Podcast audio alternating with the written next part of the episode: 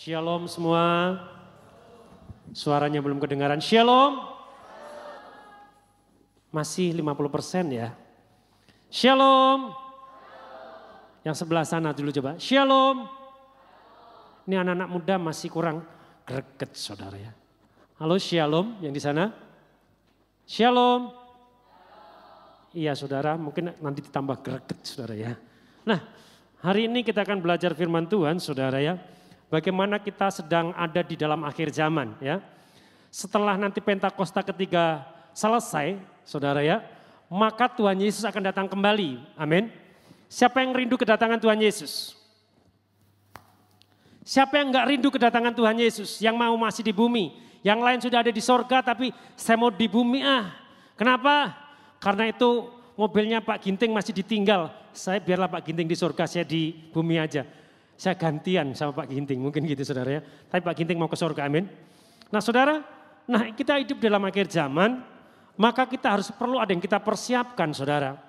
Kita nggak bisa ke sorga itu dengan apa yang ada hari ini pada kita. Tapi ada sesuatu yang harus kita ubah. Karena kalau kita melihat saudara ya, akhir zaman dengan zaman No itu hampir sama dikatakan.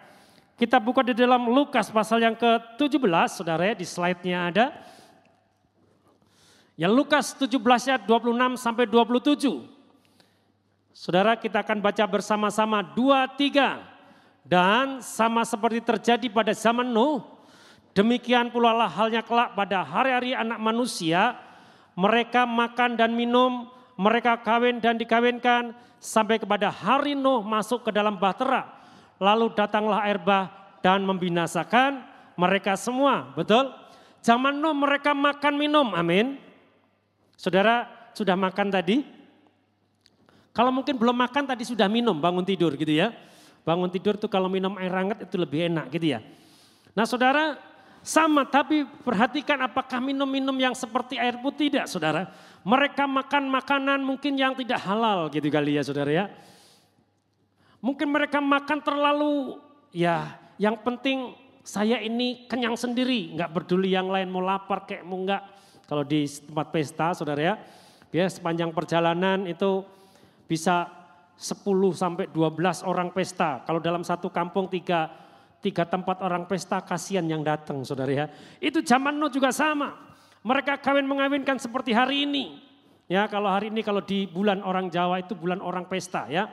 Maka di mana-mana sedang pesta saudara jangan kaget. LKMD ya balik gereja lokak makan daging saudara ya. Jadi wah terus pesta terus pesta terus pesta terus. Ya pestanya sih seneng kalau Sehari itu tujuh orang saudara ya. Nanti saudara, waduh tujuh orang nih yang mau datengin yang mana gitu saudara ya. Pasti akan dipilih. Nah saudara, tapi zaman Nuh itu sama. Dan kita akan lihat bagaimana kehidupan Nuh saudara ya. Dalam kejadian pasal 6 ayat 8 sampai 9, mungkin agak cepat saudara ya. Dikatakan begini tetapi Nuh mendapat kasih karunia di mata Tuhan. Inilah riwayat Nuh. Nuh adalah seorang yang benar dan tidak bercela di antara orang-orang sejam dan Nuh itu hidup bergaul dengan Allah. Jadi kehidupan Nuh yang pertama dia mendapat kasih karunia. Kalau saudara ada di tempat ini, kalau saudara menjadi orang percaya itu bukan karena pilihan saudara, katakan amin. Karena Tuhan yang memilih saudara. Betul? Di Curup ada orang yang selama ini menolak Tuhan, saudara ya. Tapi bisa dia dipilih Tuhan dengan cara yang ajaib. Bukan dia yang milih, tapi Tuhan yang memilih. Bukan Tuhan yang memilih, uh, bukan saya yang milih Tuhan, tapi Tuhan yang memilih saya dan saudara. Katakan amin. Amin. Ataukah masih bingung? Kan saya ini lahir, bapak saya juga jadi Kristen. Belum tentu saudara. Sekalipun kau lahir, dan bapakmu namanya Matius, anakmu, engkau anaknya namanya Yohanes, Mat, Lukas. Tetapi kalau engkau belum dipanggil Tuhan, engkau akan sama seperti orang dunia. Kau belum pernah mengalami Tuhan, engkau akan sama dengan orang dunia. Walaupun namanya, namamu itu Zakir mungkin saudara ya. Tapi ketika engkau dipanggil Tuhan, itu saudara, itu adalah pilihan Tuhan. Amin. Kalau kita lihat saudara, bagaimana hari-hari ini tentang kedatangan Tuhan Yesus yang akan segera. Mungkin orang ngomong, dari dulu sih saya dengar khotbah itu. Kenapa Tuhan gak datang-datang? Saya lihat kita akan lihat bagaimana Nuh memiliki umur yang sangat panjang. Supaya apa? Supaya hidupnya terus berkenan kepada Tuhan. Dan kalau hari ini kau diberikan umur panjang, itu berarti saudara sedang dipakai Tuhan. Amin. Engkau saudara sedang dipilih Tuhan untuk melakukan perkara-perkara yang dahsyat di akhir zaman. Katakan amin. Saya percaya di tempat ini, saudara, engkau tidak takut lagi ketika engkau mendoakan orang sakit, engkau tumpang tangan orang sakit dan orang itu disembuhkan. Engkau berkata, kok bisa ya? Itu bukan karena saudara, tapi karena Tuhan. Nah saudara kita akan lihat, apa itu kasih karunia? Ya, kasih karunia, ya saudara, kasih karunia adalah bantuan kekuatan ilahi yang kita terima melalui pendamaian Yesus Kristus. Ini Nuh. Melalui kasih karunia kita diselamatkan dari dosa dan kematian. Selain itu kasih karunia memungkinkan kuasa yang memperkuat kita dari hari ke hari menolong kita bertahan sampai akhir. Itu kasih karunia. Kasih karunia itu kita terima dengan cuma-cuma, betul? Amin. Tidak ada saudara yang suruh membayar kasih karunia. Kalau saudara lewat jalan tol harus bayar, betul? Tapi jalan tol pada di Bengkulu itu saudara, waktu dibuka pertama orang pada senang semua, betul? Karena pendek. Tapi kalau saudara bayangkan, kalau saudara dari Lampung sampai ke Surabaya di jalan tol, rasanya bagaimana Pak Adi? Kalau nyupir sendiri, dari Palembang sampai ke Jawa di jalan tol terus. Kalau itu cuma 17 kilo seneng saudara ya. Wah seneng ngebut. Tapi kalau sudah ribuan kilo, rasanya aduh kok nggak selesai-selesai jalan tolnya. Ya, kami kalau pulang ke Jawa, saudara, itu bawa mobil sendiri. Jadi itu sekitar 1.500 kilo, saudara ya. Wah, di jalan tol terus. Rasanya kok kapan selesai jalan tol, saudara ya. Kok nggak selesai-selesai. Nah, saudara, ini kasih karunia. Kemudian yang kedua, Nuh ini adalah orang yang benar. Ya, orang yang benar itu yang melakukan hal yang benar. Yang kedua orang yang benar juga orang-orang yang memang dianggap dibenarkan. Saudara dulu orang-orang yang tidak benar. Tapi ketika engkau Tuhan pilih, saudara adalah orang-orang yang sudah dibenarkan. Katakan amin. Jadi tidak ada dosa, tidak ada kutuk atas hidup saudara. Kenapa? Karena engkau sudah dibenarkan. Iblis tidak bisa mendakwa saudara. Kamu dulu ini bagian hidupku. Kenapa kamu di situ? Kamu terus berbuat dosa. Wah, tidak iblis tidak bisa mendakwa kita ketika kita dibenarkan. Amin. Selanjutnya, saudara. No ini orang yang tidak bercela. Wah saudara ya. Orang yang tidak bercela hidupnya saleh.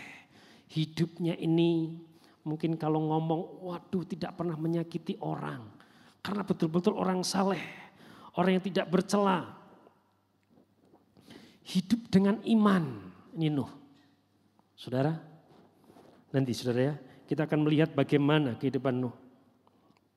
Nah, saudara, ini yang Tuhan tadi berbicara dengan saya, makanya saya kebut yang itu saudara. Bagaimana Nuh ini dipakai Tuhan. Ketika Tuhan berbicara kepada Nuh, Nuh bangun sebuah batera yang cukup besar. Nah saudara, ini yang Allah mau. Dalam pembangunan Bahtera, ini mungkin bisa slide-nya bisa dibuka saudara ya. Bawahnya lagi. Berapa lama waktu yang dibutuhkan Nuh untuk membangun Bahtera? Memang ya Alkitab tidak secara khusus menyatakan berapa lama waktu yang dibutuhkan Nuh untuk membangun Bahtera. Ketika nama Nuh, Nuh pertama kali disebutkan di kitab kejadian 532, Ya saudara nanti baca di rumah biar agak cepat saudara ya. No itu usianya berapa saudara? 500 tahun. Ada yang di sini usia 500 tahun kemudian dipanggil Tuhan melayani ada? Ada yang usianya 17 tahun dipanggil Tuhan melayani ada? Saudara, ada yang usianya baru 90 tahun kemudian dipanggil Tuhan untuk melayani. Nuh dipanggil Tuhan usia 500 tahun. Berarti selama sebelum oh, dari umur 0 saudara ya, 1 0 sampai ke 500 tahun. Dia ketemu dengan kawan-kawannya sebaya saudara ya. Dia ketemu dengan kawan-kawannya yang mungkin suka nongkrong, betul ya. Dia ketemu dengan kawan-kawannya yang suka berkata-kata yang tidak benar. Tapi perhatikan hidup Nuh. Dia orang yang tidak bercela. Nah saudara, selanjutnya katakan begini. Ketika Nuh memasuki Bahtera, dia berusia berapa? 600 tahun.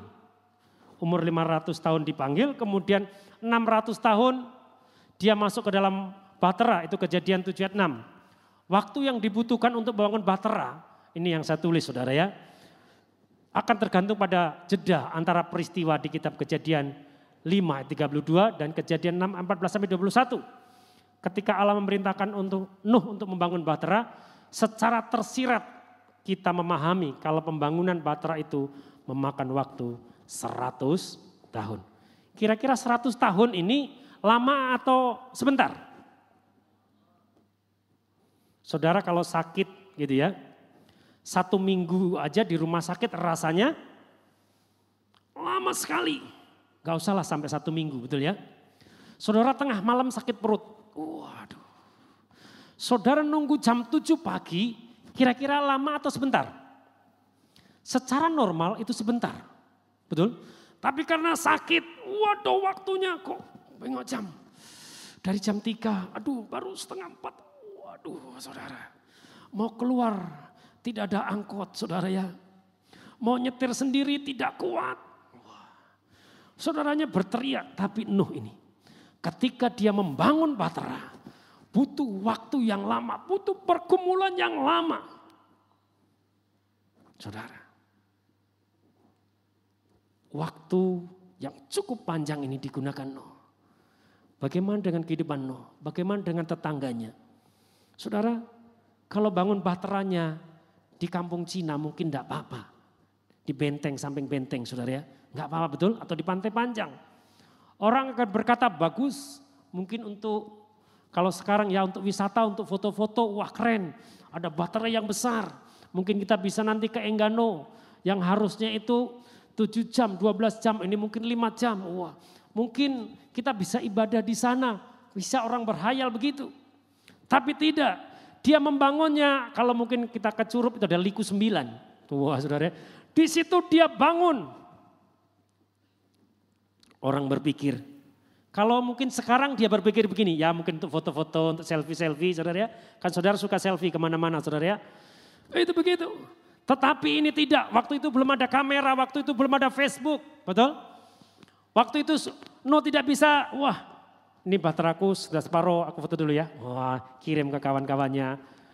Ini proyek saya mau jadi loh, kapan kamu datang? Tidak. Dia dengan setia, katakan setia. Dia taat mendengar perintah itu. Dia menghadapi sekali banyak sekali cercaan, saya percaya itu. Karena dia membangunnya di atas gunung. Mungkin orang berpikir kapan air ini bisa sampai ke gunung ya. Kalau air kopi sih bisa sampai ke atas meja, saudara ya. Tapi kapan air ini bisa sampai ke gunung? Kalau air itu sudah sampai ke liku sembilan penuh, berarti di Bengkulu sudah habis, saudara ya. Kapan? Ini mungkin orang-orang kalau orang Jawa bilang mungkin ini agak senewan orang ini gitu ya. Orang ini agak kurang waras no ini. Katanya takut akan Tuhan. Saudara perhatikan ini. Ketika engkau memiliki rasa takut akan Tuhan itu hanya ngomong dan engkau setia kepada Tuhan, orang akan mengejekmu. Saudara, apa sih anak ini? Gereja-gereja terus. Rohani nian kayaknya ya. Wah. Orang mungkin akan membulimu. Wah. Wah ini orang Kristen ya. Apa Kristen-Kristen? Doa aja nggak pernah dijawab. Mungkin kau sedang bergumul di depan pergumulanmu itu. No, itu Nuh saudara membangunnya itu perlu waktu yang 100 tahun itu besar. Dia berkumul, mungkin dia juga berkata sama Tuhan, Tuhan kapan selesai Tuhan? Ini ngambil satu pohon aja cukup lama Tuhan, satu minggu baru selesai. Motong satu pohon, belum mengangkatnya, belum belahnya. Kapan selesai? Sering kita juga berpikir di depan kita, masalah kita itu besar.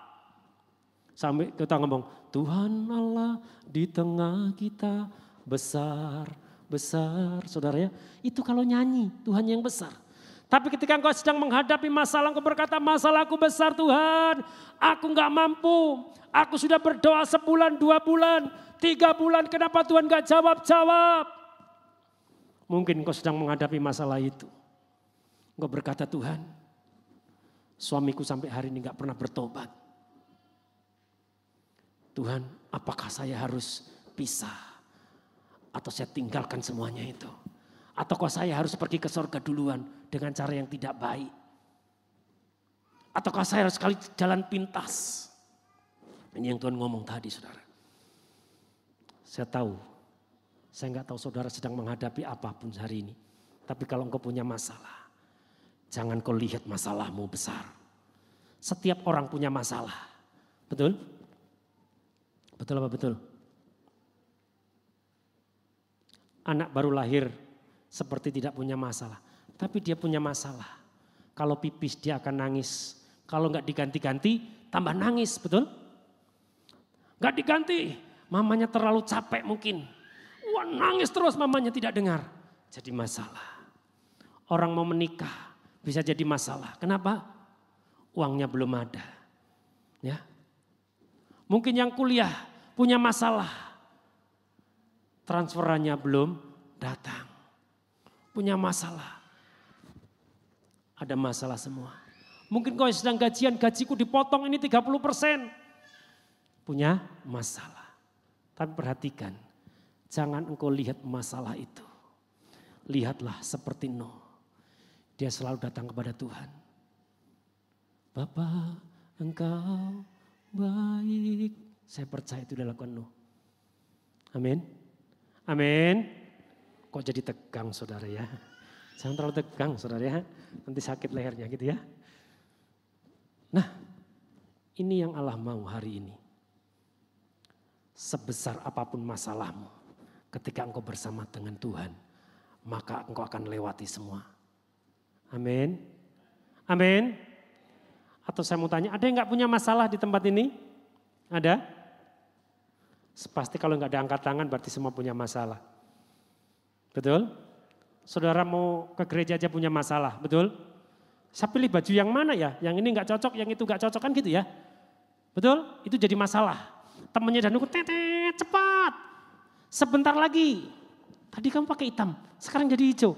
Loh, sebentar-sebentar lagi. Mau keluar, nggak cocok lagi. Wah saudara ya. Keluar lagi. Wah di langsung tetet, cepetan ini sudah tinggal lima menit. Sebentar lagi, kan gereja masih di situ kok. Nggak jauh-jauh gerejanya. Nggak pernah jalan gerejanya jauh-jauh masih di situ. Tunggu sebentar ya. Wah yang nunggu, orang yang menunggu tuh biasanya paling lebih berdedek saudara ya. Pekerjaan yang paling tidak enak apa saudara? Nah, terus terang nih ya. Jadi saudara kalau engkau ditunggu sama teman-temanmu, cepet-cepetlah, amin. Amin. Iya, enggak ditunggu lima menit belum selesai. Kalau masih pacaran, ya enggak apa-apa, sabar kata saudara ya. Pacaran aja, eh enggak apa-apa, sebentar lagi ya bang. Oh iya, tapi dalam hati alangkah lamanya. Muncullah sebuah Alkitab saudara ya. Filipi katakan, aku melupakan apa yang di belakangku. Dan mengarahkan diri apa yang di hadapanku. Balik dari gereja, maaf ya. Sampai di sini aja kita. Karena saya dapat ayat yang baru. Aku melupakan yang di belakangku. Kamu di belakang, karena di depan itu ada orang lebih gesit daripada kamu. Aku pilih dia aja, saudara. Tapi di sini tidak ada yang ngaku, amin. Anak Tuhan tidak boleh gitu, saudara ya. Jadi jangan gunakan firman Tuhan untuk menghakimi saudaramu, saudara ya. Nah, saudara, kita lihat bagaimana masalah yang dihadapi Nuh ini, saudara. Dia yang sedang mempersiapkan keluarganya. Kalau tadi saya bilang tadi pagi saudara ya, kalau engkau mau menikah harus perhatikan baik-baik. Ya bapak-bapak yang mau punya menantu perhatikan baik-baik. Ya, kalau yang wanita itu harus wanita asli. Amin. Saudara orang sekarang itu 17 tahun bisa berubah jadi wanita. Dulunya laki-laki, betul ya? Ada berita yang sangat heboh di Jambi itu ya. Ternyata jeruk makan jeruk saudara ya. Baru tahu setelah tiga bulan ya. Wanita menikahin wanita. Dia tidak tahu saudara ya. Jadi kalau mau nanti mau punya mantu. Saya masih lama punya mantunya karena anaknya mau kuliah saudara ya. Jadi saya berdoa masih lama saudara ya. Yang habis kuliah ini saudara ya. Yang mempunyai pasangan tolong diperhatikan baik-baik. Ya, Carilah kalau laki-laki itu yang laki-laki betul-betul laki-laki. Dari kecilnya laki-laki sampai besar laki-laki. Amin. Jangan besar umur 15 tahun berubah jadi laki-laki saudara. Ngomongnya di luar, ya shalom. Wah saudara ya. Baru shalom. Ini berubah shalom. Wah lama-lama batu saudara. Nah kita berubah dari kehidupan selama 100 tahun. Dia sedang menghadapi dilema saya teruskan atau tidak. Kalau saya mungkin begitu. Betul enggak nih sih kata Tuhan? 100 tahun loh Tuhan, waktu yang cukup lama sekali. 100 tahun. Saudara yang pacaran lalu tiga bulan, Tuhan betul enggak ini ya jodohku. Wah langsung nyanyi lagunya jodohku. Saudara ya. Yang jangan diteruskan ya, di rumah juga jangan diteruskan, satu aja tadi ya. Saudara, yuk kita belajar dari Nuh. Dia sedang menghadapi sesuatu sepertinya tidak mungkin. ya Keadaan belum canggih. Saya yakin motong pohonnya pasti pakai kapak. Satu hari satu pohon belum tentu roboh. Wah, wah dia mungkin membelahnya. Kalau mungkin zaman sekarang lebih enak. Satu hari seratus pohon. Selesai saudara ya dibelah selesai, ada paku. Karena di sana tidak ada pabrik paku pada waktu itu. Dia buat sedemikian rupa. Dia juga tidak tahu nanti airnya segede apa, dia tidak akan pernah tahu. Tapi dia belajar taat. Amin. Untuk menjadi taat saudara, untuk menjadi taat ini perlu waktu. Katakan amin. Taat itu bukan yang satu minggu. Nuh berjalan taat ini selama hidupnya 950 tahun umur Nuh saudara ya. 950 tahun. Berapa keturunan kalau sekarang saudara? Waduh sudah enggak tahu saudara ya. Manggilnya apa sudah bingung betul ya. Ini manggilnya apa lagi ya nenek saya yang paling nomor satu ya. Ini cucutnya yang nomor ke 9 ribu saudara. Manggilnya bingung. Tapi Nuh tetap setia. Perhatikan ini untuk menjadi setia perlu ketaatan. Orang yang taat pasti orang yang setia. Engkau yang sudah menikah, setialah sama pasanganmu. Amin. Amin. Jangan di tengah jalan. Ini enggak cocok Tuhan. Dulunya langsing, sekarang langsung. Saya pindah saja Tuhan haluan. Seperti kereta ini waktunya pindah, pindah haluan. Saudara ya. Bertobat kalau ada yang sepikiran seperti itu. Ya. Jangan coba-coba saudara. Berkata, ah Tuhan ini istri saya dulu nggak cerewet. Sekarang cerewetnya minta ampun. Ini masalah buat saya Tuhan. Kapannya Tuhan aku bisa ganti istri ini Tuhan. Wah, tolong jawab saya Tuhan. Kenapa Tuhan nggak jawab saya? Sudah satu tahun saya berdoa, dua tahun, tiga tahun. Jangan, Tuhan tidak akan pernah jawab itu saudara. Amin. Kalau mobil engkau bisa ngomong sama Pak Adi, Pak saya mau ganti mobil, datang aja ke showroom. Pilih yang mana, betul Pak Adi? Yang cocok ambil. Terserah mau yang mana. Tapi kalau istri, suami tidak bisa diganti-ganti. Amin. Nah saudara, ada hal-hal hal apa yang harus kita pelajari dari ini semua? Dari Nuh ini saudara. Pelajaran apa yang kita bisa ambil dari hidup Nuh? Yang pertama, Nuh hidup dalam ketaatan dan saya percaya saudara juga hidup dalam ketaatan. Katakan amin. Engkau pelayan-pelayan Tuhan di sini, engkau harus taat. Katakan amin. Amin. Pemain musik mau taat? Pak, taat kadang kami dimarahin loh Pak sama pemimpin kami. Gak apa-apa saudara, itu baru dimarah. Berarti saya sayang. Kalau engkau punya anak tidak pernah ditegur sama sekali, masuk rumah orang gak pernah ditegur saudara ya. Kalau saya bertamu ke rumah Pak Ginting saudara ya, saya duduk gak ditegur saudara ya. Silakan, nggak ngomong silakan, nggak diajak ngomong. Kira-kira tahan nggak saudara? Nggak tahan, tapi kalau para pelayan Tuhan sedang ditegur, itu berarti pemimpinmu sedang sayang sama saudara. Katakan amin. Kok berat sekali, aduh pak sakit loh pak, sakitnya di sini. Ya nggak apa-apa saudara, baru di sini saudara ya. Tapi kalau sakitnya di sini nih yang repot saudara ya. Bisa ke mana-mana, kalau sakit di sini ya nggak apa-apa saudara ya. Ada dokter yang bisa menyembuhkan. Dokter segala dokter, Yesus Kristus namanya. Nah yang kedua, hidup dalam takut akan Tuhan. Takut akan Tuhan itu membawa berkat. Amin. Takut akan Tuhan membawa berkat. Yang ketiga, berpegang pada perintah Tuhan sekalipun itu rugi. Katakan amin. Kan rugi 100 tahun suruh di depan kapal saudara tiap hari. Nah saudara, yang keempat, tetap mengandalkan Tuhan. Amin. Amin. Saya nggak tahu saudara, tadi Tuhan ngomong, berapa banyak engkau punya masalah. Tapi hari ini jangan pandang masalahmu, lihat Tuhan, hiduplah dalam ketaatan, takut akan Tuhan, berpegang pada perintah Tuhan, dan tetap mengandalkan Tuhan. Mari kita tutup Alkitab kita, kita berdoa.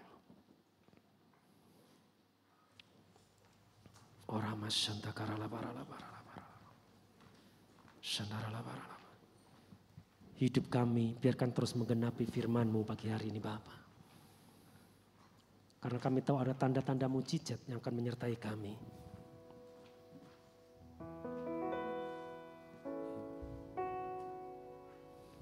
Hidupku menggenapi firman-Mu. Tanda mujizat sertai tiap langkahku. Kau bersamaku di dalamku jadi bukti kebesaran. Saya percaya ini bukan hanya sekedar nyanyian, tapi merupakan iman saudara menggenapi firmanmu. Saya percaya ini terjadi dalam hidupmu ketika engkau menggenapi firman Tuhan. Dan mujizat akan terus menyertai setiap langkahmu. Berkati umatmu tempat ini Tuhan. Berkati mereka semua. Mereka yang punya masalah Tuhan angkat masalahnya. Mereka yang berbeban berat Tuhan. Engkau terus angkat. Lepaskan mereka. Berkati mereka.